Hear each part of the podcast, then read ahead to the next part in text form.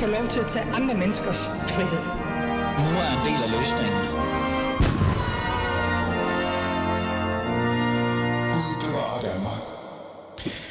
Valgkampen er endelig Endelig, og gud dog, endelig skudt i gang. Det skete i går, da Mette Frederiksen udskrev valget til afholdelse den 1. november. Noget nogle af os måske godt vidste, men lad det ligge.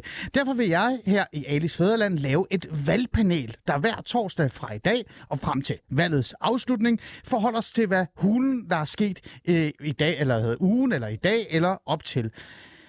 Det vil jeg gøre ved at have nogle kyndige gæster i form af tidligere politikere eller politiske kommentatorer i studiet, og de skal hjælpe mig med at dykke ned i valgets vigtigste emner. De største selvmål og de sjoveste citater. Og jeg og altså, helt ærligt, jeg tror allerede, vi har nok selvmål at forholde os til i virkeligheden.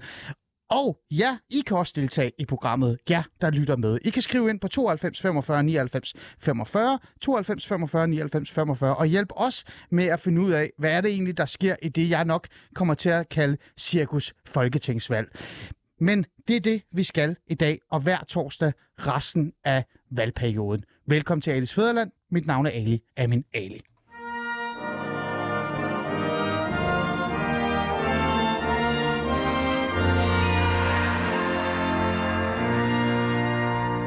Nå, Velkommen til dagens panel. Øhm, jeg får helt lyst til at starte med David Tras, der står i en rød polo. øh, undskyld, uh, stiller du op for Socialdemokratiet igen, eller er det noget, jeg ikke ved? Øh, nej, det, jeg stiller ikke op for nogen som helst. Der er Aha. rige muligheder, som jeg siger, men nej tak. Det, det, den tid, den så. Og så vil jeg bare lige sige, den her røde øh, poloshirt, jeg har, den er faktisk indkøbt i USA i sommer. Den er så rød og skræmmende rød, rød, at selv min hustru siger, at du ligner en amerikaner i den. Så det er mere det, der er problemet. Ikke? ah, okay. David Tras, du er jo øh, medlem af panelet, og du kommer også til at være en af de der faste deltagere, øh, regner jeg stærkt med øh, i Fæderlandsbanen. Du er, hvad kan vi sige, journalist, du er forfatter, du er politisk kommentator. Du ved i hvert fald en del om politik. Så har jeg Uffe Elbæk også i studiet. Du er menig medlem af Alternativet, ja. og intet andet. Overhovedet ikke noget som helst andet. Intet andet? Intet andet. Jeg kan godt høre, du lukker. Nej, jeg stiller ikke op. Nå, hvor kom det fra? Det troede jeg ikke, det var det, vi snakkede om.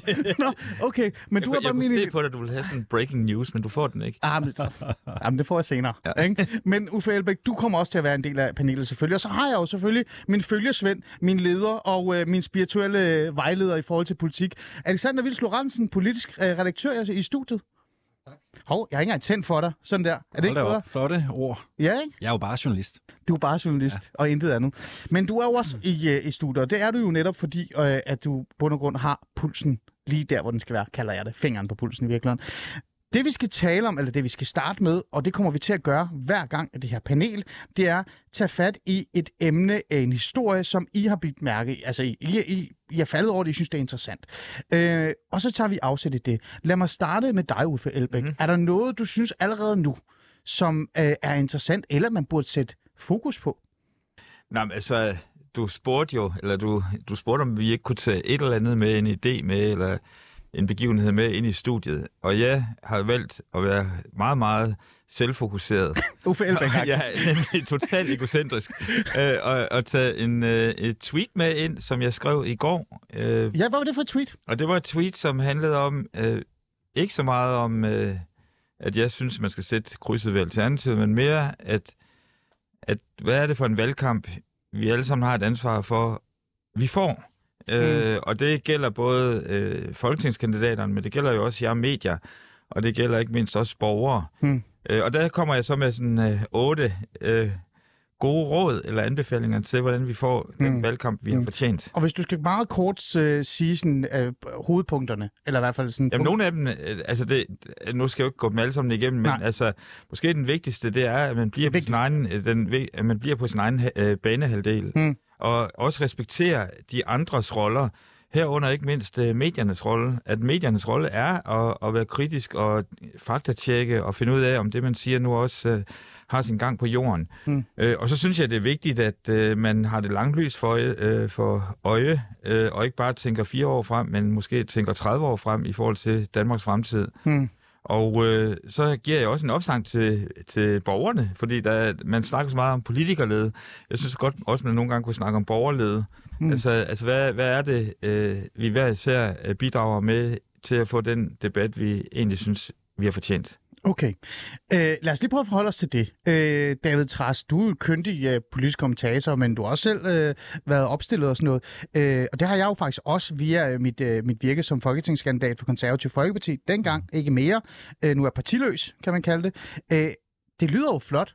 Men er det ikke også bare sådan lidt øh, farfar-agtigt og gammeldags tænkende og, og så videre og så videre? Det Uffe siger? Ja. Nej, altså jeg vil sige, jeg vil sige Uffe er den ældste yngste, jeg kender. den jeg ældste sige det, yngste, jeg, du kender? Ja, fordi man kan ikke, altså, jeg ved godt, han faktisk er bedstefar, men alligevel øh, vil jeg sige, at, at Uffe er sjældent en, jeg lige sådan tænker, det var dog en gammel mand, der taler der. Jeg vil sige, det der er helt rigtigt, og det, nu nævnte du det jo selv, ja. Ali, at du selv stillede op øh, ved sidste folketingsvalg, ligesom jeg gjorde. Det mest interessante mm. ved selv at stille op, i stedet for at være jagttageren som journalist udefra, ja. det er jo, at man rent faktisk står og møder folk med rigtige problemer, mm. og man lytter til dem, og man hører på dem. Men man oplever også noget, som kan være frustrerende, nemlig at vælgerne, når du nu Uffe er inde på det her vælgerlede, borgerlede, altså det er jo meget mærkeligt nogle gange, at, at du kan se en vælger, efter der har været flere ugers valgkamp, det hele har kørt på, på, på de allerhøjeste navler, og så siger vælgeren, hvorfor taler de aldrig om et eller andet emne, som er emnet, alle taler om hele tiden? Ja. Så har vi jo et problem, fordi så har, vi, så har vi borgere, der ikke selv orker at sætte sig ind i, i, i valgkampen. Det er meget trættende, fordi mm. det synes jeg jo er en pligt, man har som borger i, i, i et samfund, man skal være involveret, man skal være engageret, man skal følge med, og hvis der er nogle emner, man synes er særlig spændende, så lyt dog til den, når politikerne taler om det. Okay, så du synes faktisk, det er øh, værdifuldt valg at, at tage med? Eller hvad hedder det? Ja. I den grad. Ja. Meget, meget kort, Alexander. Øh, nu, ser du det udefra som øh, journalist, som du selv sagde.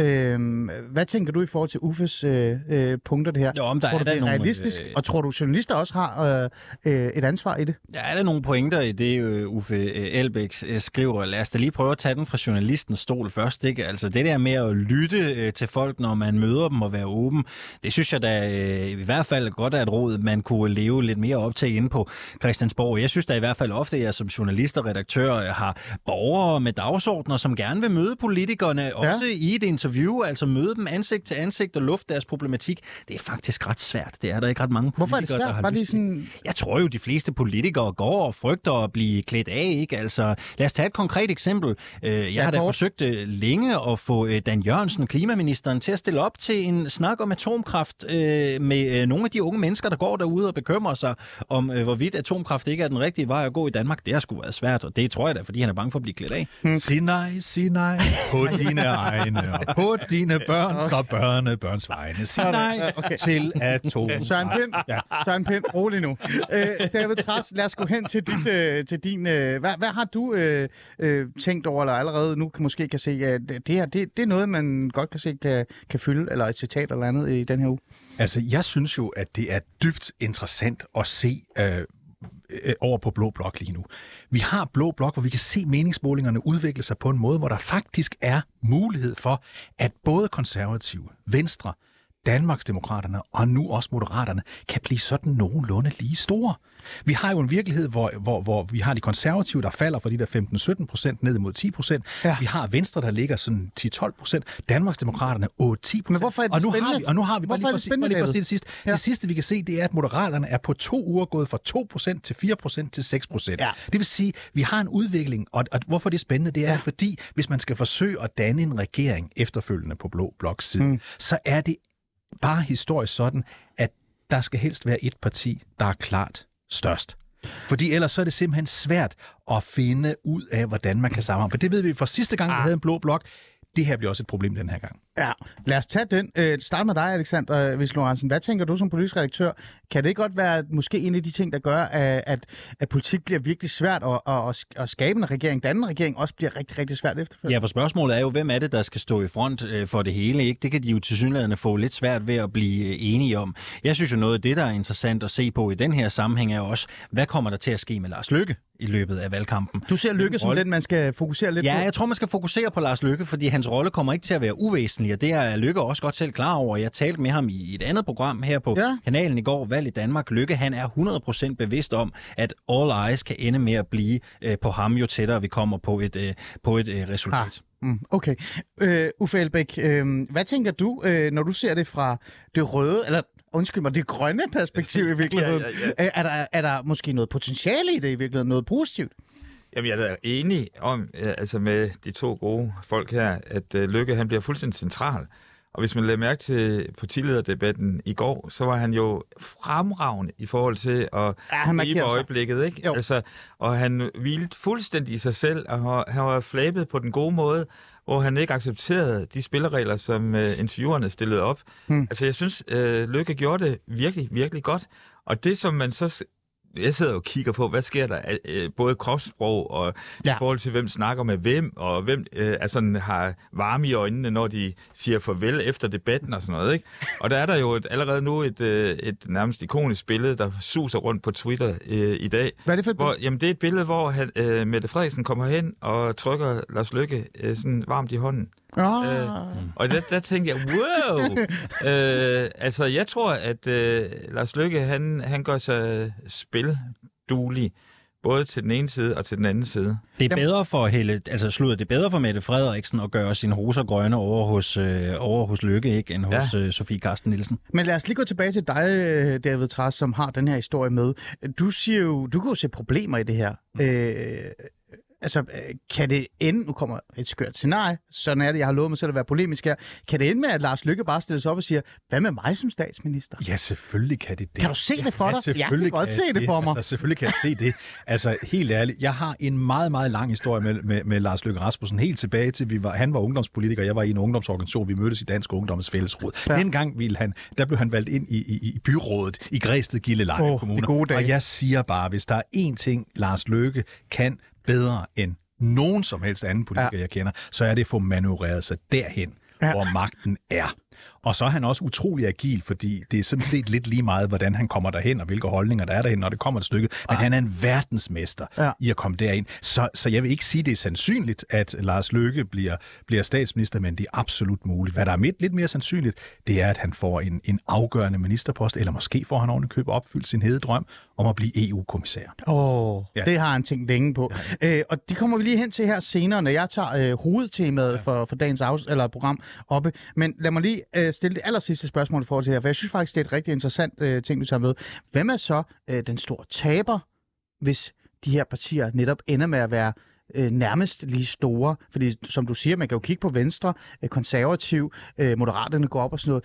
Der, altså, Øh, hvem er den største taber her? Jeg vil jo sige, det er Jacob Ellemann. Ja, ja, lad os nu antage, at de er lige store, man har fået flertallet. Så er de ja. vinder alle sammen, fordi så er man jo ret lige Men stadigvæk, der er nogen, der står ja, der og men det er, kigger. bare, det er bare en endnu værre situation, hvis man taber, det ender sådan der. Men lad os nu sige, de vinder jamen så er det da klart, at, at både Søren Pape Poulsen, der, der indtil at, at alting ramlede omkring ham for få uger siden, jo lignede en, en, en mulig statsminister. Han der taber nummer et.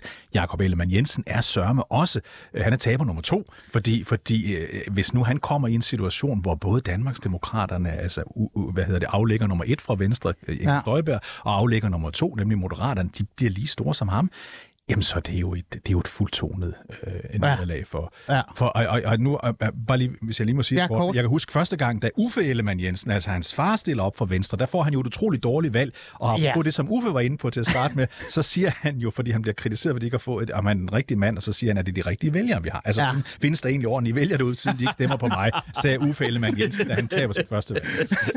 Alexander Kort? Ja, jeg, jeg tror, vi skal holde fast i ideen. Jeg er meget enig med dig i, at Jakob Ellemann Jensen godt kan ende med at blive den store det vil jeg mene. Jeg vil Mange mene, kigger på øh, Danmarksdemokraterne og Inger Støjberg, de får en afgørende rolle i en potentiel blå regering. Jeg tror, og det er sagt for egen regning, og fra hvad jeg selvfølgelig hører på vandrørene, at Inger Støjberg vil ende med at pege på Søren Pape. Hmm. det kan godt ende med at blive Ellemann, der står som den ja. helt store taber i det spil. Og, så må vi søge, og, og hvorfor gør hun det?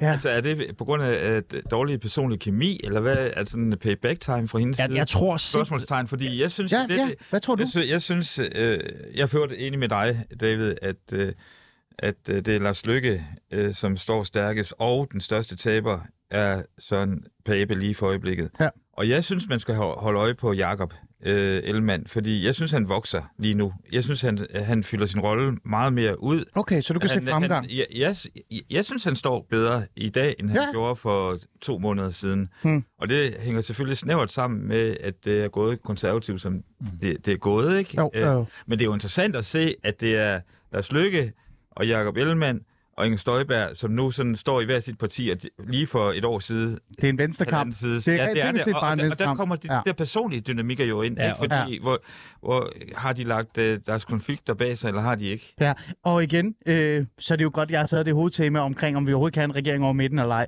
Øh, lad os gå hen til din øh, historie, øh, Alexander. Hvad synes du, der er interessant eller spændende at forholde sig til allerede nu, efter ja, tre dage? Min historie øh, drejer sig om, at vi har historisk mange partier, der stiller op til valg. Ikke? Altså, vi sad alle sammen og så den partilederrunde i går. Hvad tog den? To timer og 30 minutter ja, eller noget? Ja, 14, stil, altså. så vidt jeg ved. Øh, selv os, som går op i det, må tænke, hold kæft, hvor var det langt altså i virkeligheden. det fungerede, øh, det fungerede ikke. Nej, det fungerede synes, ikke. Uffe, du sagde, du, ikke, du synes jo ikke, det fungerer. Nej, jeg synes overhovedet ikke, det. Ja, Alexander? Noget, jeg bed mærke i, ja, der er utvivlsomt færre partier på listen næste gang. Det må vi antage. Der er i hvert fald nogen, der ryger ud af Folketinget. Uffe, øh, da du skiftede fra Frie Grønne til Alternativet, tog du så papkasser med op på dit kontor, så du selv kunne pakke ned? Nej, jeg, Nej. jeg har jo altid haft et meget flydende kontor. Ja. Så på den måde, ja. mit kontor er der, hvor jeg sidder. Ja, jeg vil i hvert fald sige det på den måde. Efter at have hørt de første par valgdebatter, så håber jeg i hvert fald, at der er nogen, der har stillet tilpas mange flyttekasser op hos Frie Grønne, for det er altså slut efter øh, det kommende ja. valg. Øh, Sikander Siddiq øh, demonstrerer jo flere gange over de sidste par dage, at der altså ikke er plads til Frie Grønne i dansk politik. Det er øh, nogle løse floskler om, jeg bed særlig mærke i, sagde han et grønt forsvar i går til partilederrunden runden. Hvad, hvad, altså, hvad betyder de her ting? Altså, nu skal jeg jo ikke... Øh, altså, jeg vil jo faktisk gerne forsvare Fri Grønne. Lad os øh, høre efter, hvad jeg så prøver at sige her. Øh, jeg har jo været efter dem rigtig meget i forhold til deres meget, øh, meget, meget, meget, meget fokus på antiracistiske øh, valgkamp nærmest, ikke? Og, og brune borgere, og jeg ved ikke hvad og hvad. Jeg synes da her, de sidste par uger efter Uffe er, er gået, og det kan være det, fordi det netop er, fordi Uffe er gået, så er de lige pludselig blevet meget grønne. Fik vi ikke for første gang nogensinde set en, en Fri Grønne partileder tale grøn? Jeg synes jo bare stadigvæk, vi står står med partilederdebatter, hvor alle taler om den danske økonomi. Hvordan kommer vi ud af inflationen? Sikander Siddiq siger, det er klimaet, der er det vigtigste. Selv Franziska Rosenkilde i Alternativet siger jo, at vi skal have mod til at håndtere flere kriser. Selv der er der er jo rigtigt. et ekstra lag på. Altså, jeg synes, der er øh, tydelige tegn på en partileder og et parti, der har svært ved at læse den politiske situation i Danmark. Det er et enkeltsagsparti. Der er simpelthen for få mennesker, der går op i den der antiracistiske dagsorden. De kommer aldrig til at kunne tælle til, til 2 procent hmm. øh, ved spærregrænsen. Det, det, det må være det endelige tegn på, at det er slut for, for Fri Grønne. Der er ikke noget håb der, tænker jeg. David Tras, hvad tænker du om Alexanders øh, vinkel? Altså, jeg tænker som god gamle Karl Marx, der jo sagde proletar ja, så, i alle... Så slukker nej, jeg for dig. Nej, nej, nu står vi skal lige have Karl Marx. Proletar i alle øh, lande forener æder, som han sagde. Ah. Og der vil jeg sige, det er jo fuldstændig åbenlyst klart, og det er heldigvis ved at lykkes for den grønne fløj, at grønne i alle alliancer forener i et parti, og det ene parti bør selvfølgelig være alternativet. Fordi ellers så er der jo en risiko for, at det grønne ikke bliver repræsenteret. Hvis jeg lige må dvæle ved det et meget kort øjeblik, kort, ja. øh, Ali, så vil jeg bare sige, den meget ambitiøse ud, øh, klimapolitik, vi trods alt har i Danmark på nuværende tidspunkt, under en socialdemokratisk regering, ja. ville aldrig have lykkedes, hvis ikke Uffe Elbæk med Alternativ var braget igennem i valget 2015, fordi det var det, der gjorde, at klimaet kom helt op i top ved 2019-valget. Ja. Og derfor er vi bare nødt til at sige, at hvis det her emne hele tiden skal holdes i toppen, så kræver det altså, at der står nogen ude på siden og siger, at det her emne, det grønne emne, øh, klimaemnet, det er emne nummer et. Men siger du, det er fri grønne? Nej, jeg siger, det er Alternativet. Ah, Ah. Det handler jo i frie grønne, og Uffe, ja. nu må du endelig øh, byde ind. Ikke? Ej, nu er det jo bare mig, der står her og siger, ja, det, det, det, det, det, det, det, lyder, det lyder jo bare, synes jeg, øh, som om, at det for Sikander og frie grønne er vigtigere, at det handler om Sikander Siddiq, end at det handler om den grønne dagsorden. For ellers så var man vel gået over. Så havde Alternativet jo haft en endnu større chance, må man antage, for at komme ja. i Folketinget. Nu står I til, hvad er det 1,5 i den seneste ja. voksmeter? Det går da den rigtige vej. Den rigtige Men hvis man nu havde fået de der 0,4 eller 0,5, eller hvad det nu er, frie grønne plejer at kunne rive op af hatten, ikke? så var oddsen jo alt andet lige bedre. Altså man står jo tilbage, også med det interview, som, jeg kan ikke huske, om det var BT eller Ekstrabladet lavede med Sikander i går, man står tilbage med følelsen af, at det her er en partileder, for hvem han selv er vigtigst. Mm. Ej, altså, jeg står jo her lidt og ikke ved, om jeg skal kaste mig ind i, i debatten eller ej, lige på det her emne. Ikke? Ja, det, det, det, det er gode grunde, fordi, at, det kan jeg øh, fordi jeg, jeg jo øh, har en vis viden om frie grønne af gode grunde. Ikke? Hmm. Og hvis jeg skal prøve trods alt at... at Men nu er du også ude af fri grønne. Jeg er totalt ude af fri grønne. Så du og, der er jo, og der er jo en grund til, at jeg er ude af fri grønne. Ja. Men hvis jeg skal prøve at give en forståelse for, hvorfor at øh, Fri Grønne ikke kan se sig i øh, alternativet, så skyldes det, at den øh, antiracistiske dagsorden er fuldstændig vanvittig afgørende for Sikander. Hmm. Og jeg tror, at Sikander og ledelsen i Frie Grønne føler, at øh, det er illoyalt over for deres bagland, hvis de øh, går ind i alternativet. Men er den vigtigere end den grønne dagsorden så? Ja, det er jo det, alle steder ja, tænker. Altså det, altså igen, altså jeg, jeg kan referere, hvad de selv siger, ikke? Altså, ja. og, og apropos min egne gode råd, øh, til, til, til ja, så, så skal man, tweet, ja. ja. så skal man blive på sin egen øh, banehalvdel. Ikke? Ja, ja, ja. Men jeg vil bare ja. sige, at øh, David har jo igen ret, øh, at at hvis der skal være en øh, grøn stemme, en klar grøn stemme i Folketinget efter næste valg, så bliver de grønne nødt til at samle sig.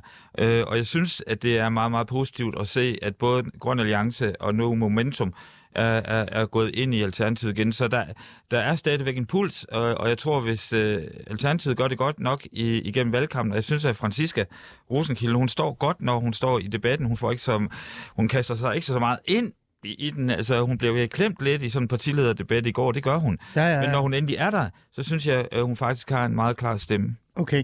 Øh, jeg vil jo gerne være sådan lidt polemisk nu over for Alexander, hvis det er. Øh, og der kan du jo være med, hvis du meget har lyst til.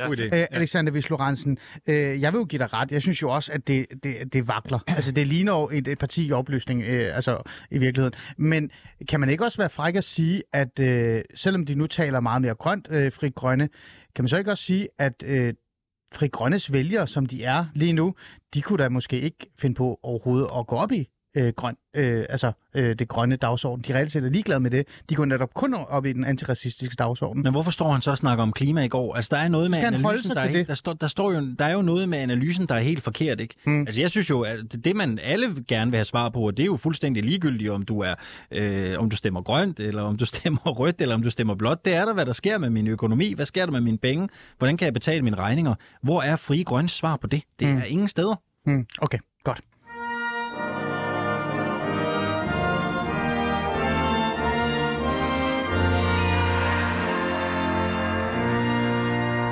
Og vi flux videre. Det var så øh, det, det her øh, segment, der hedder, hvad er jeres historie? Jeg dropper min. Ja, der er ikke rigtig nogen behov for det, for jeg har jo hovedtemaet. Øh, men det kommer jo til at være sådan et, øh, sekund, øh, hvad, hedder det, hvad kan vi sige, et indspark, et indslag, vi kommer til at have hver torsdag i virkeligheden. Jeg synes, jeg gjorde det rigtig godt. Det var nogle gode inputs. Tak, øh, tak for evalueringen. Altså, det hele. Sådan nu skal vi tale om øh, det, jeg synes, der er vigtigst for fædrelandet, Nå, ikke? som er meget vigtigere end ja. jeres øh, ja, ja. små ting her i virkeligheden. Fordi det, jeg gerne vil tale om, det er regering over midten. Regering over midten, som hele tiden tiden bliver sagt regering over midten. Jeg er nærmest øh, med al respekt ved at få ondt i hovedet af at høre den her øh, regering over midten, øh, hvad hedder det, ja, hvad kan vi sige, fokus. Socialdemokratiet er jo gået til valg på at danne en bred regering. Sådan lød det i hvert fald på Mette Frederiksen selv, og jeg får helt lyst til at afspille det her øh, skønne klip, som både forvirrer mig, men også gør mig i virkeligheden lidt ked af det. Lad os se, om det virker. Spørgsmålet, som Mette Frederiksen kunne du godt forestille dig, at sidde i regering. Du vil gerne have en regering hen over midten. Men er det fuldstændig afgørende, at det så skal være dig, der skal være statsminister? Øh, først til det, du sagde før. Øh, og jeg indrømmer, at det er jo nyt. Øh, vi har ikke nogen tradition i Danmark, modsat faktisk de fleste af vores naboer, for at have brede regeringer. Så er det fordi, at vi står i en tid, som virkelig kalder på samarbejde og på samling, på kompromis, på pragmatisme. Øh, og på at få Danmark og landet godt igennem nogle kriser, som møder hinanden, og som i virkeligheden forstærker hinanden. Så det er det, vi går til valg.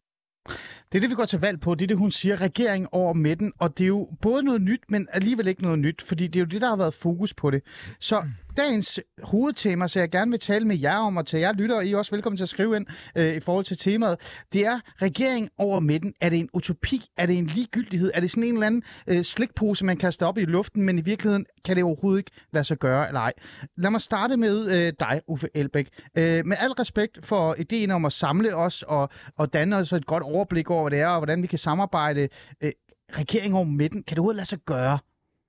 Jamen altså, det kan det jo godt. Altså fordi, at der er jo nogle folk, som gerne vil øh, have nøglen over til statsministeriet og være en del af en ny regering. Og den magt er jo meget, meget tillokkende.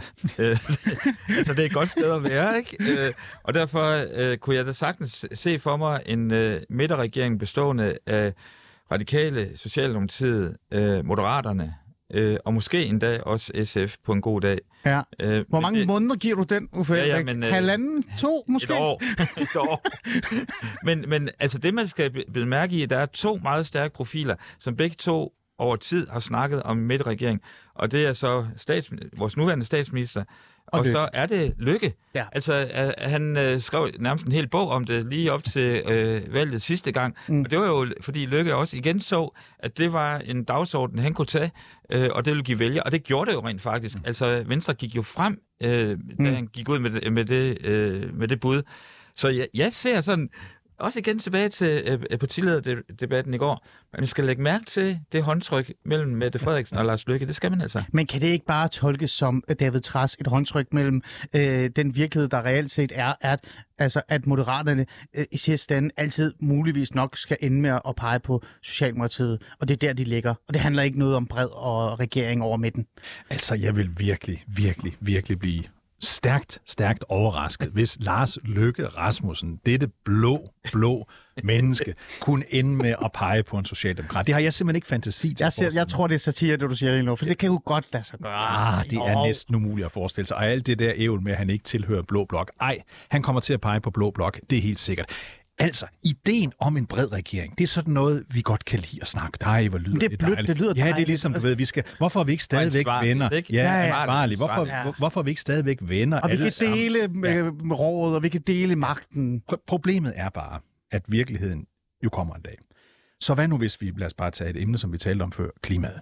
Altså, hvor, hvor vil denne regering placere sig hen klimamæssigt, hvis den er bred? Vi ved jo, vi ved jo at Lars Løkke Rasmussen og Moderaterne, vi ved, at de konservative og Søren Pape, vi ved, at Venstre og Jakob Ellemann Jensen for eksempel ønsker at frede landbruget. Det er, Præcis. det er jo fuldstændig åbenlyst. Det er utrolig vigtigt for de partier. Omvendt ved vi, at selv Mette Frederiksen har sagt i den her valgkamp, at nu skal vi altså gøre noget ved landbruget. Endnu mere selvfølgelig de andre røde partier, inklusiv SF, som Uffe ja. lige før. Så, så sådan vil virkeligheden hele tiden møde denne regering, og det der ville ske, hvis den, hvis den dannedes i virkeligheden, det var, de ville sidde i endeløse interne forhandlinger om et udspil. Når endelig de var blevet enige om dette udspil, så ville de være ude af stand til at forhandle med dem udefra, fordi de allerede havde lukket alle flanker. Ja. Og så går den i stykker. Ja. Sådan var det sidst, vi havde sådan en. Ja. Skal helt tilbage til, til SV-regeringen. I, altså Anker Jørgensen og Slytter. Anker Jør- nej, Ja. Anker Jørgensen og øh, Henning Kristoffersen Ah, ah, var dengang, ja. ja. Venstre, øh, det var frygteligt. Ja. Øh, det, det ved alle, at, ja. at, at, at det var. Så, så, så, så det er sådan noget, det lyder godt. Hvor ville det være dejligt, hvis vi alle sammen var venner? Det er vi bare ikke. Når det handler om politiske øh, ideologier, politiske retninger, så er der jo stadigvæk lige meget, hvor meget folk forsøger at gøre det. Som om der ikke er stor forskel, så er der stor forskel. Men så kære panel, Alexander, du er også meget velkommen til at, at, at, at tage ordet nu. Øh, Så er det jo utopi. Altså, det er jo bare noget vrøvl. Øh, Og selvom Uffe øh, tænker sådan, ah, kom nu, det kan godt lade sig gøre. For eksempel, Alternativet, hvis de nu kommer ind, nu kigger jeg på dig, i stedet for at kigge på Uffe, hvordan hulen skulle de støtte en regering over midten, når konservative og venstre er i den? Det bliver også svært og nærmest umuligt, ikke? Alternativet vil jo i og for sig få svært ved at støtte Socialdemokratiet på nogle områder, ikke? Og Så er vi Radikale og, og SF, altså fordi klimapolitikken er mere ekstrem i, i Alternativet. I har jo været ude mange gange og banker også på, på regeringen, ikke? Altså alle vil jo gerne det brede samarbejde, men den brede regering kan jo godt være svær, ikke? Ja. Øh, Bare se på, øh, hvis øh, vi leger med tanken om, at Socialdemokratiet og radikale alene, altså som man betegner sig som nogen, der godt kunne arbejde sammen, skulle arbejde sammen. Der er jo en lang række sværslag på udlændingepolitikken der, der ville blive besværlige. Ikke? Ja, ja. Altså, hvor bliver vi lige enige om øh, Rwanda? Ikke? Altså, hvornår ligger der en plan færdigt mm. øh, for det? Men der er jo alligevel en pointe også i det, øh, David siger. Ikke? Altså, hvordan skal man løse en klimapolitik, hvis man forestiller sig, at man har Socialdemokratiet, øh, SF, øh, konservative? Det, det, det bliver nærmest umuligt. Mm. Jeg tror ikke, nogen kan være i tvivl om, at øh, hvis man spørger Socialdemokratiet og Mette Frederiksen, så er etpartiregeringen altså stadigvæk det mest ønskede scenarie. Ikke? Jo, jo, jo, jo, men, men den er jo også øh, i, i sig selv utopi. Noget andet, jeg synes Men jeg, også... jeg, jeg, hvis jeg Ja, bare lige må ja. bryde ind, fordi David, du siger, at uh, Lars Løkke, han øh, altså helt sikkert kommer til at pege uh, på en borgerlig regering. Jamen, jeg er jo ikke enig med ham. Nej, tror jeg heller ja, nu, nu spørger jeg dig, fordi Ja. det, altså, når, når jeg sådan har fulgt Moderaterne, og jeg har endda stået og holdt tale for alle deres uh, folketingskandidater, så har han placeret sig et andet sted øh, politisk. Ja. Og, og, hvor, hvor meget, øh, hvor langt han kan nå med det, det ved jeg ikke. Men jeg, kunne- altså, i, i en feberfantasi, så kunne jeg altså godt forestille mig, at øh, Socialdemokratiet, Radikale og Moderaterne, og måske SF, gik sammen. Men altså, jeg tror ikke på det. Men altså... Det er jo sådan noget, det er jo sådan noget teknokrat-snak. For, altså, prøv lige at høre. Det eneste sådan rigtige politiske forslag, vi har hørt Lars Løkke komme med, det var jo det her bizarre skattepolitik, som var meget, meget svært at forstå. Men hovedpointen i hans skattebudskab var, at dem, der tjener mest, skal betale mindre i skat. Ja. Altså, han er jo stadigvæk blå, blå, blå, øh, og han siger noget andet. Det var han også en mester i tilbage i valget øh, i 2019. Men må jeg ikke minde om, må jeg ikke lige minde om en ting? I al den tid, hvor Lars Løkke Rasmussen har haft magt, det vil sige som sundhedsminister, ja. finansminister, indrigsminister og statsminister, ja. der har han lavet alle sine fucking aftaler med højrefløjen. Ja, alle ja. sammen. Men kan det er sådan, lige... han er, når han har magt. Men lad os lige blive ved Lars Løkke her, for Lars Løkke er jo der, hvor magten er. Lars Løkke, han tænker på, hvad der er bedst for Lars Løkke. Vi taler om en politiker, han smed jo fandme sit eget parti under bussen ved valgkampen. Ja, du havde ham også i studiet her i går, var det ikke, hvor du også ja, jeg, jeg tror bare, det der er min analyse, og jeg kan jo tage fejl, det skulle jo ikke være første gang, det er så svært at få Lars Løkke og Moderaterne til at præsentere øh, et konkret stykke politik. Jeg spurgte ham helt konkret i går om, hvad er det vigtigste? Hvad er det første, Moderaterne kigger på, når vi er ude på den anden side af den her valgkamp? Det vil han ikke svare på. Lars Lykke taler om, at det er et service eftersyn af hele vores samfund. Ja. Hvad fanden betyder det? Det er der ikke nogen, der ved. Lars Lykke, han siger det der, fordi han går derhen, hvor den bedste lunds kød ligger efter et valg. Magten. Han går derhen, hvor magten er, ja. hvor ministerposten ja. er. Kan Lykke blive øh, udenrigsminister i en øh, rød regering, så tager han den. Og det er lige det, David. Altså helt ærligt, med, Ej, med al respekt. Så er vi to mod en. Ja, ja, ja, ja, vi er faktisk tre mod en. Ja, og jeg er endda, jeg er endda fysisk, hvad lytterne jo ikke kan høre manden i midten. Ja, det er det. Ja. ja. Og, og socialdemokrat, det ved jeg ikke rigtigt, om du er du stadig det i virkeligheden? Nej, det skal vi ikke snakke om. Men, men, men så er der jo det her scenarie, og vi skal igennem et par scenarier her, fordi øh, for det første, så er der samlingsregeringsscenariet, som jeg kalder det i virkeligheden. Ikke? Fordi nogle gange så har man sådan en følelse af, at vi er, vi er over i det der samlingsregeringstænkning, fordi at der er krise, mm. der er inflation, der er øh, krig i Europa, og så videre, og så videre. Det er også videre. derfor, hun øh, kommer med det, Mette Frederiksen. Ja, fordi hun... Fordi det, det er en del af hendes fortælling. Ja, det er jo den altså, fortælling, hun bruger. Hun, hun skabte det der øh, ja, ja. statsmandship, ikke? Jo. Øh, og at øh, landet men, men Uffe, den har jo både... heller ikke holdt. Altså, det giver jo ikke, altså, det giver jo ikke mening, men, men tror Nej, men du, den kan få lytterne, eller ikke lytterne, hvad hedder det? Vælgerne. Vælgerne til at, at, at, at, føle, at så bliver jeg nødt til at stemme på de her partier, som faktisk leger med ideen om at lave den her samlingsregering. Ja, det, det tror jeg. Altså, det passer så perfekt til Mettes sådan identitet som uh, landsmoderen, ikke? Jo. Ja. Øh, og, og, og så, hun, så, siger så, du, hun ikke er det? Siger du? Siger du, hun ikke er det? det jeg, jeg synes meget af det, det er jo, det er jo spind. Okay. Altså, men, men, men, men, men altså, øh, ja. det kan du heller ikke se en, en god grund. Altså, du kan jo ikke se, at det kan være det, der måske eventuelt kan få dem til at sige, ved du hvad, øh, alle øh, de her problemer, vi har mellem hinanden, og det private og alt muligt andet, det kan vi til side, fordi der er så mange kriser lige nu. Og så, og så tænker den her samlingsregering. Jamen, de kriser, det er der, der, hvor jeg rykker så over til David her i studiet, ja. ikke? Tak, ja. ja. ja, ja. ja. Fordi, fordi at øh, når man begynder at diskutere klima, så er der jo en skillelinje. Altså, du får jo ikke Inger Støjberg eller øh, ja, Pernille Vermund ja. til at blive grøn.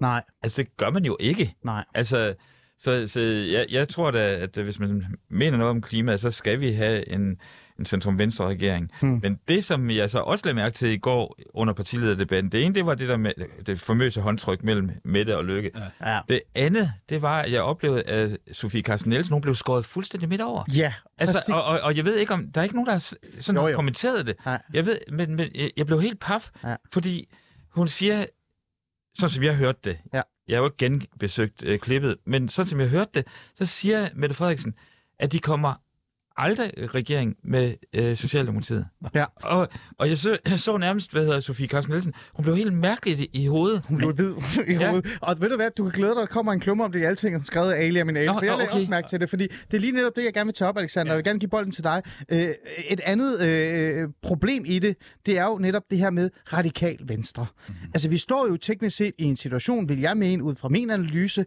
øh, øh, altså, hvor radikal venstre ikke kommer i nogen former for regering. Med al respekt, helt seriøst. Ja. Jeg tror ikke, og jeg kan ikke se Mette Frederiksen se Radikalt Venstre som en del af hendes regering, og jeg tror, jeg ser heller ikke Venstre og Konservativ Folkeparti mm. være sådan, kom endelig ind, lad os den regering.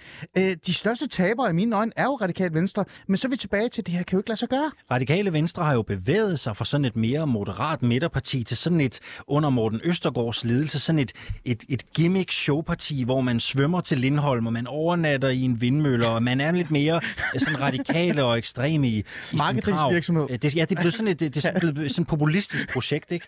Øh, det, det, det, det er ganske rigtigt, tror jeg også. Der er jo ikke rigtig nogen, der har lyst til at lege med med radikale.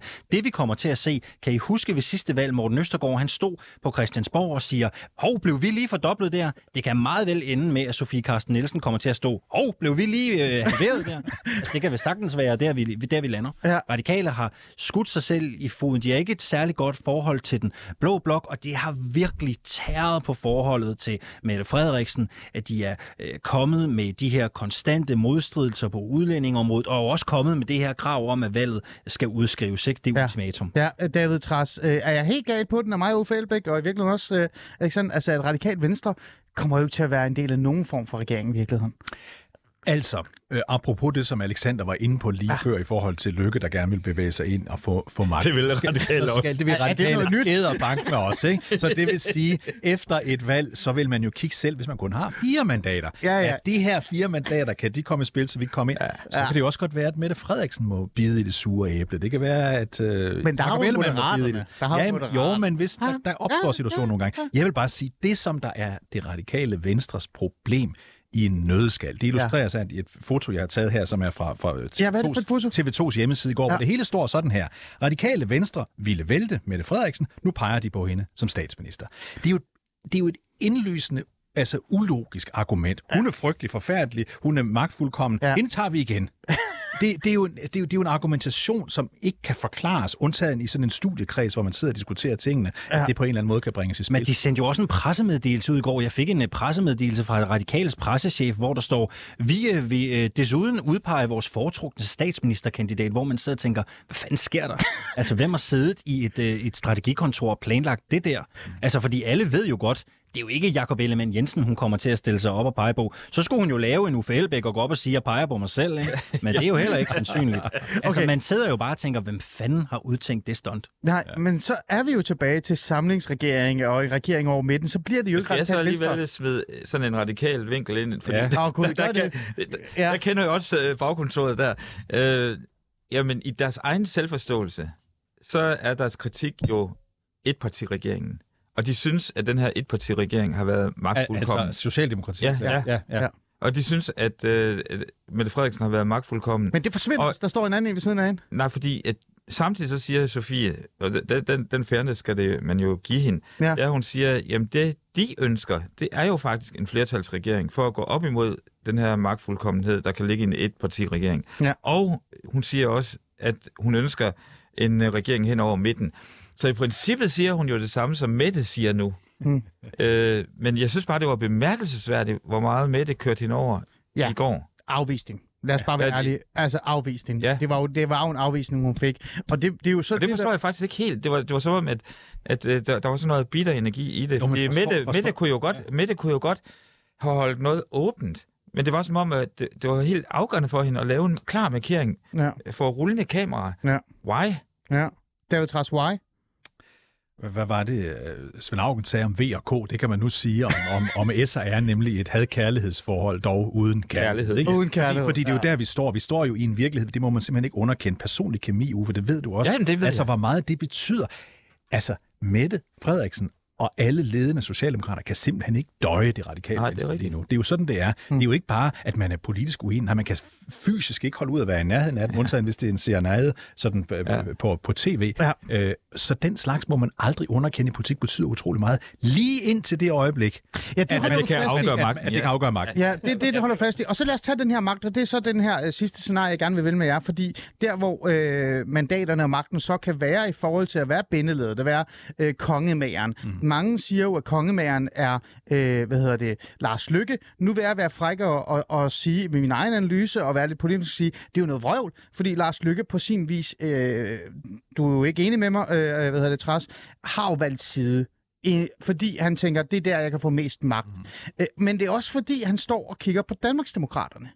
Vi kan jo lige høre et lille klip øh, fra Danmarksdemokraternes øh, hvad hedder det, partiformand, øh, hvad hedder det, Inger Støjberg, og hendes forståelse af Danmarks, øh, hvad hedder det, ikke Danmarksdemokraterne, af Moderaterne. Lad mig lige afspille det her. Jeg ved snart ikke, hvad jeg skal sige til det, altså, fordi man kan, jo, man kan jo sige, at det er jo sådan, det er jo sådan altså en, en lidt klassisk diskussion på en eller anden måde for Lars Lykke, det her, hvor at det hele er sådan noget med, at jeg peger ikke på nogen, jeg peger på noget og sådan noget, og det er jo enormt svært at forstå, hvad betyder det egentlig? Altså, jeg, det kan da godt være, at det er mig, der er lidt fastsvag, men jeg har simpelthen ikke forstået, hvad det er, det, hvad det, er, det betyder. Det her det er jo fra uh, endnu en af de her klips fra uh, den her lederdebat, der var fra DR TV2 sammen. Uh, nej, det var det faktisk fra DR-debatten i virkeligheden med, med Clemen Kærsgaard. Uh, Moderaterne og Danmarksdemokraterne, uh, for det første kan de jo ikke overhovedet samarbejde. Altså det tror jeg ikke, de kan. Men er den rigtige kongemager, som i virkeligheden ikke er kongemager, for de har allerede valgt side, er det ikke uh, Danmarksdemokraterne? Og så er vi tilbage til den her uh, over midten. Står vi reelt set ikke i en situation, hvor Moderaterne har valgt side og siger, at det er en rød regering, og Danmarksdemokraterne har valgt en side, der hedder blå regering. Og så handler det bare om, hvem af dem, der får flest mandater til at tage den rette beslutning, som altså ifølge dem træs. Jamen, hvem der vinder. Altså, det er simplere, end man bare har sættet op til. Øh, nej, det, det, det er jo frygteligt indviklet. Øh, bortset fra, hvis det er meget simpelt. Og det, hvornår bliver det meget simpelt? Det bliver det, hvis mandaterne er meget klare. Og det vi jo må medgive den gode øh, Lars Løkke Rasmussen, det er, at han klogeligt har spillet sig ind i en rolle, som jeg ikke tror, han mener, men den, mange hopper på den, inklusive dig, at, at jeg står tak. herinde i midten og, og er, er villig til hvad som helst, bare der er en, en, en ordentlig politik. Så det indviklede bliver, hvis de der moderaternes mandater, de kan afgøre sagen. Ja, men, Fordi men... Så, så sker der altså også det lige pludselig, at de radikale kan komme i spil, de kan flytte sig til blå blok. Altså ting begynder lige pludselig at bevæge sig.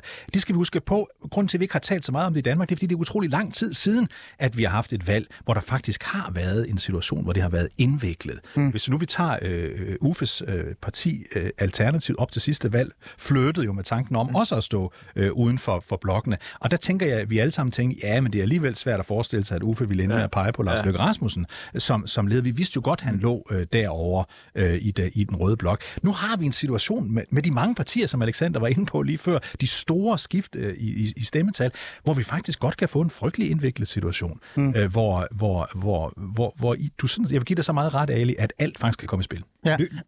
Lykke siger jo også, at han er villig til at skabe, hvad han siger, parlamentarisk krise, før han peger på rigtigt. en regering. Ja. Det er altså en mand, der er villig til at sige, hvem kan give mig det bedste tilbud?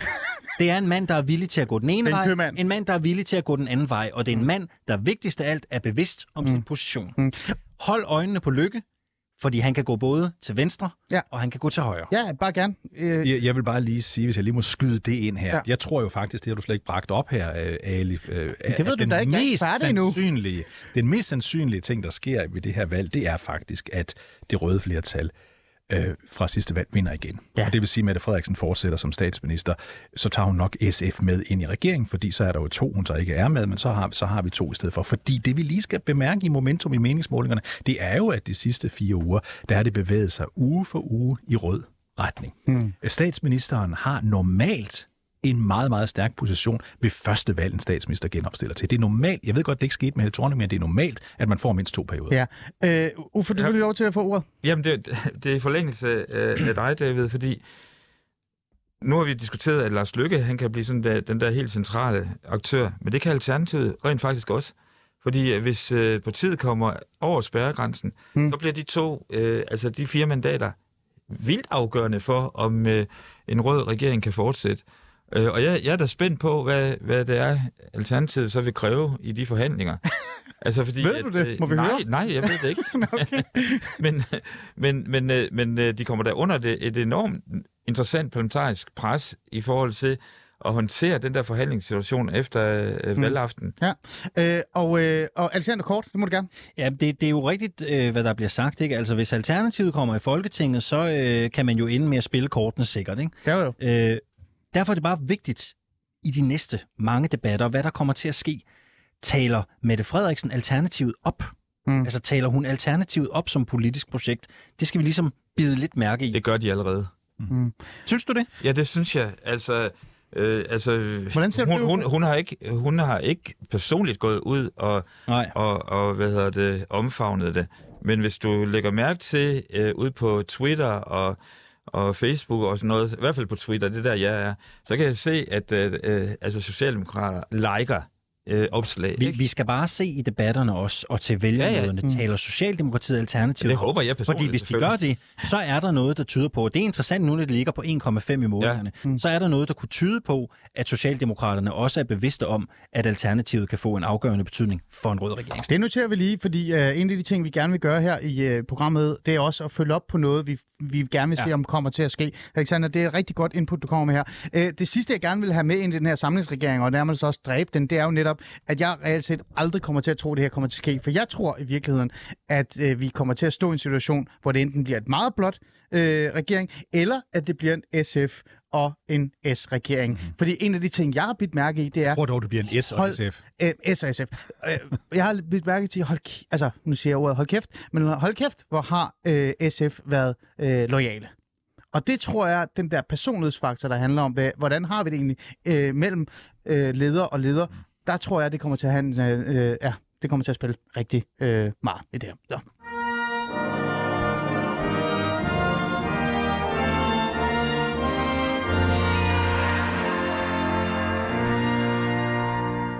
Du lytter til Adis Faderland, og jeg har øh, mit valgpanel i studiet. Lad mig lige introducere jer igen. Uffe Elbæk, menig medlem af Alternativet og kommende folketingskandidat. For, nej. nej. Undskyld.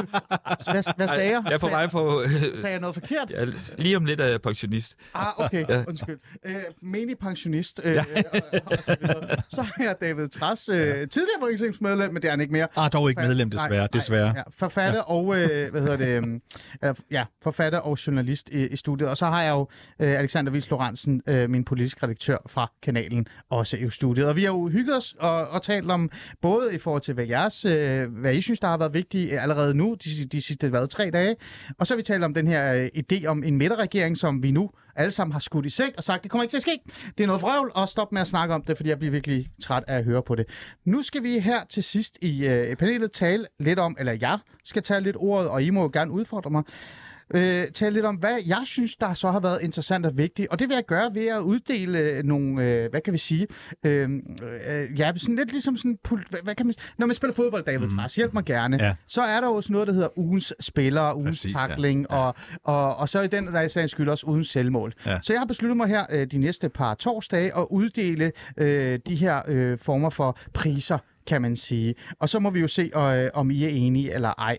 Jeg vil gerne starte med at sige, at ugens spiller indtil videre har været faktisk en, en deler, vil jeg mene, øh, i forhold til, hvad jeg har set. Øh, nærmest Xavi og Iniesta, hvis man følger med i fodbold i Barcelona-regi. Alexander, jeg ved ikke, hvor meget du øh, følger med. Nej, det ved jeg ingenting om. Nej, det er et nej, det har vi talt om, David. med hinanden, uden reelt set at, at, at, at spille sammen. Måske krammer det ikke så meget som Xavi og Iniesta. Inger Støjberg og Mette Frederiksen. Jeg synes ærligt talt, at den form, de er i, de to, er øh, fænomenalt at se på. Jeg, jeg vil gerne, selvom jeg er blå, give ros til Mette Frederiksen for at være den her statsleder. Især hendes tale og de, de her sidste dage, vi har set. Hun har virkelig øh, vist sig frem. Det har hun jo altid gjort. Og man kan virkelig godt se forskel på Inger Støjberg, eller ikke Inger Støjberg, Mette Frederiksen og de andre mm. statsministerkandidater. Og så vil jeg gerne give en, øh, en ugen spiller til Inger Støjberg, også fordi hun er jo den perfekte øh, modstander til Mette Frederiksen. Og jeg glæder mig faktisk til at se, hvordan de to kommer til at spille over for hinanden. Altså, øh, om der er reelt potentiale til, at de kan spille hinanden op. Øh, men så er der jo også det her med, at de stiller op samme kreds, mm. og øh, og så den her lille ting, at de faktisk holder sig fra hinanden. Øh, så vidt jeg ved, så kommer det ikke til at være i, øh, i hvad hedder det, head-to-head overhovedet. Er I enige, kort? Altså, jeg synes, de der to er fremragende bud på, på ugens spiller. Jeg vil altså også tilføje øh, Lars Løkke Rasmussen, fordi jeg synes, det er imponerende at se den der, jeg talte om før, 2%, 4%, 6%. Det går altså meget stærkt øh, opad for Lars Løkke lige nu. Inger Støjberg må man jo bare sige, Altså, jeg er ikke, hendes, det, jeg, prøver, jeg er ikke hendes øh, største politiske fan, for, for nu at sige det som det er, men hold kæft, hvor er hun dygtig. Mm. Altså, hun er enestående dygtig til at holde sig til sit budskab. Nu har hun ovenikøbet fået, fået solgt tanken om, at hun ikke er et revolutionært parti, men hun er et pænt ordentligt parti, mm. der sagtens kan indgå kompromis øh, til højre og venstre spændende. Okay, godt. Lad os gå videre til uh, ugens takling så, som allerede er meget, øh, altså det er jo kun øh, to-tre dage, der er gået. Ugens takling for mig, øh, det er jo den, der virkelig reelt set skal sparkes ned og virkelig have øh, måske også et rødt kort efterfølgende. Hele panelet Altså det vil sige alle folketingskandidaterne og folketingsledere og jeg ved ikke hvad, partilederne i går i forhold til psykiatrien. Jeg synes, det var sørgeligt at se på, fordi da, da fokus kom på psykiatrien og spørgsmålet omkring, hvordan kan vi forbedre psykiatrien. Lad os lige huske på, at psykiatrien er jo noget, der fylder rigtig meget på danske vælgere. Jeg tror, den ligger tre eller fire sidste gang, man lavede en meningsmåling. Så handlede det mere om sundhed og, og så videre og så videre og så videre. Og jeg synes ærligt talt, at det er på tide, at vores politikere forholder sig til psykiatrien, mm. og ikke bare taler det ned, eller tager om skattelettelser og så videre og så videre. Jeg vil gerne snakke med, spørge dig, Uffe Elbæk, hvad synes du om det? Jamen, det er da rigtigt. Altså, det er for øvrigt et øh, problem, som alle familier har inde på livet. Altså, jeg tror, der er ikke en familie, der ikke har et, et, et familiemedlem, som er psykisk skrøbelig på den ene og den anden led. Øh, så det er jo en kæmpe dagsorden. Og jeg vil da alligevel sige, også øh, i forbindelse med partilederdebatten i går, at øh, Franziska Rosenkilde forsøgt at, at sige, at vi bliver nødt til at snakke livskvalitet. Øh, vi bliver nødt til at lave et samfund, øh, Øh, som gør, at folk kan leve meningsfulde liv. Og det er jo sådan en... en en alternativ måde at snakke om uh, psykiatrien på, Uffe Elbæk? Ja, det, det synes jeg. Og skal vi ikke også bare... Øh, altså, nu har vi ikke nævnt det parti med et ord, men uh, Marianne Karlsmose fra ja, hun, faktisk, nej, vil, hvad, hun, hun vil da om nogen gerne tale psykiatri. Ja, faktisk, så, så, det er mærkeligt, hun, hun brød jo nærmest med runderne, ja. øh, øh, hvor jeg faktisk... Altså, hun har jo fået rigtig, rigtig hård kritik. Jeg synes faktisk, det var en okay god aften for Marianne Karlsmose. Jeg, jeg er fuldstændig enig. Ja. Det er mærkeligt, vi overhovedet ikke har nævnt det, fordi jeg synes, hun stod øh, meget godt ja, der. Det fortjener sgu... Hvad var det, det var for en titel, du gav her nu? Øh, øh, jamen, det var ugens takling til Ugens samtlige. Okay. Undtagen Karls Mose. Ja. Lad os ja, ja, ja, Karls Mose ja. ville jo i den grad gerne tale psykiatri, og jeg nævner hende jo faktisk mest, fordi hun jo i flere runder faktisk bød ind med det emne, selvom ja, det skulle handle ja, om noget andet. Må jeg ikke lige det, for det egentlig, jeg vil også sige ugens øh, takling. Jeg synes jo, det var morsomt, da i den partilederdebat, hvor, hvor øh, Inger Støjberg angriber Søren Pape. Jeg husker, det var ham, der gerne vil være statsminister. Søren Pape har jo kommet med et kæmpe udspil om, at uh, topskatten skal fjernes. Så siger Inger Støjberg, det bliver ikke med mine stemmer. Og så siger han faktisk med det samme, nå okay, så lader vi være med det. Ja, og det synes jeg var, var et, øh, et meget interessant øjeblik. Ja. Og så er der også noget, der hedder ugens selvmål. Og lad os lige høre, hvad ugens selvmål så var, ifølge mig. Spørg. Det var den her. Ja, altså, øh, nu har jeg ikke en vaskekælder, øh, der hvor jeg selv bor, øh, men det har jeg fået beretninger om. Ugens øh, selvmål er for mig Mette Frederiksens og hendes vaskekældersnak. Og der er faktisk en reel grund, fordi jeg synes, det her er et ekstremt vigtigt emne. Jeg har jo arbejdet i de socialt udsatte områder, og jeg ved faktisk, der er rigtig, rigtig mange, der bor i de her områder, som faktisk er bange og bekymret for de her vaskekælder og parkeringskælder osv. osv. Alligevel så sidder der en eller anden magtværdig tale, skriver et eller andet sted i et hjørne, som har skrevet rigtig fin tale, og prøver at gøre det så konkret som overhovedet muligt. Og hvad ender det med? Samtlige mennesker efterfølgende sidder og gør grin øh, af det her vaskekælder øh, hvad hedder det, eksempel. Så ugens selvmål går til Mette Frederiksens øh, eventuelle taler eller skriver, men også Mette Frederiksen selv omkring det her vaskekælder. Det er jo sørgeligt at se, hvor vigtigt et emne, der bliver ødelagt her. Hvad synes I om den? Ja, men det er klart, at, øh, at der selvfølgelig er noget om emnet. Altså, øh, det, det kan der jo ikke være nogen tvivl om. Det hører man jo også, når man taler med folk, der bor i udsatte områder. Men det er jo klart, at selvfølgelig, når en politiker nævner noget, der er så konkret, så øh, fanger det jo også pressen, og det fanger meningsdannernes opmærksomhed. Øh, jeg tror også, hvis jeg havde siddet, nu har jeg også selv arbejdet i politik, jeg havde nok også skrevet noget andet end vaskekælder. Ja, det tænker jeg. Meget enig. Ja, godt. Problemet er bare, at hun kommer med den slags øh, formuleringer eller, eller eksempler øh, glad og ja. ro. Øh, og hver gang, når så hun bliver udfordret på det, så siger hun, jamen, det har jeg hørt.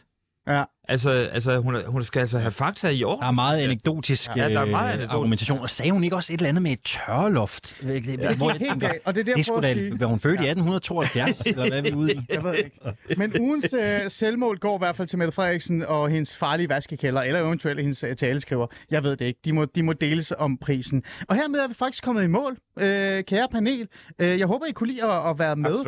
Uh, en sidste, sidste ting, 30 sekunder før vi går videre. Hvad skal vi holde øje med til næste uge? Øh, er det det, du, Alexander, sagde? Kommer Alternativ til at blive talt op af Mette Frederiksen? Det vil du vel lytte efter, uge. Ja, det vil jeg lytte efter. Desværre kan jeg ikke være der næste torsdag, men, øh, så men jeg synes, I skal snakke om det.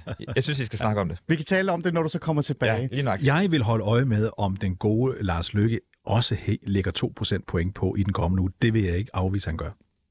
David Tras, det gemmer vi til næste uge, og så tager vi det med. Tak, tak fordi I vil være med. Øh, en fornøjelse at have med. Nu har vi jo talt om selve øh, ja, hele ting. Uffe Elbæk, tak fordi du vil være med. David Træs, tak fordi du vil være med.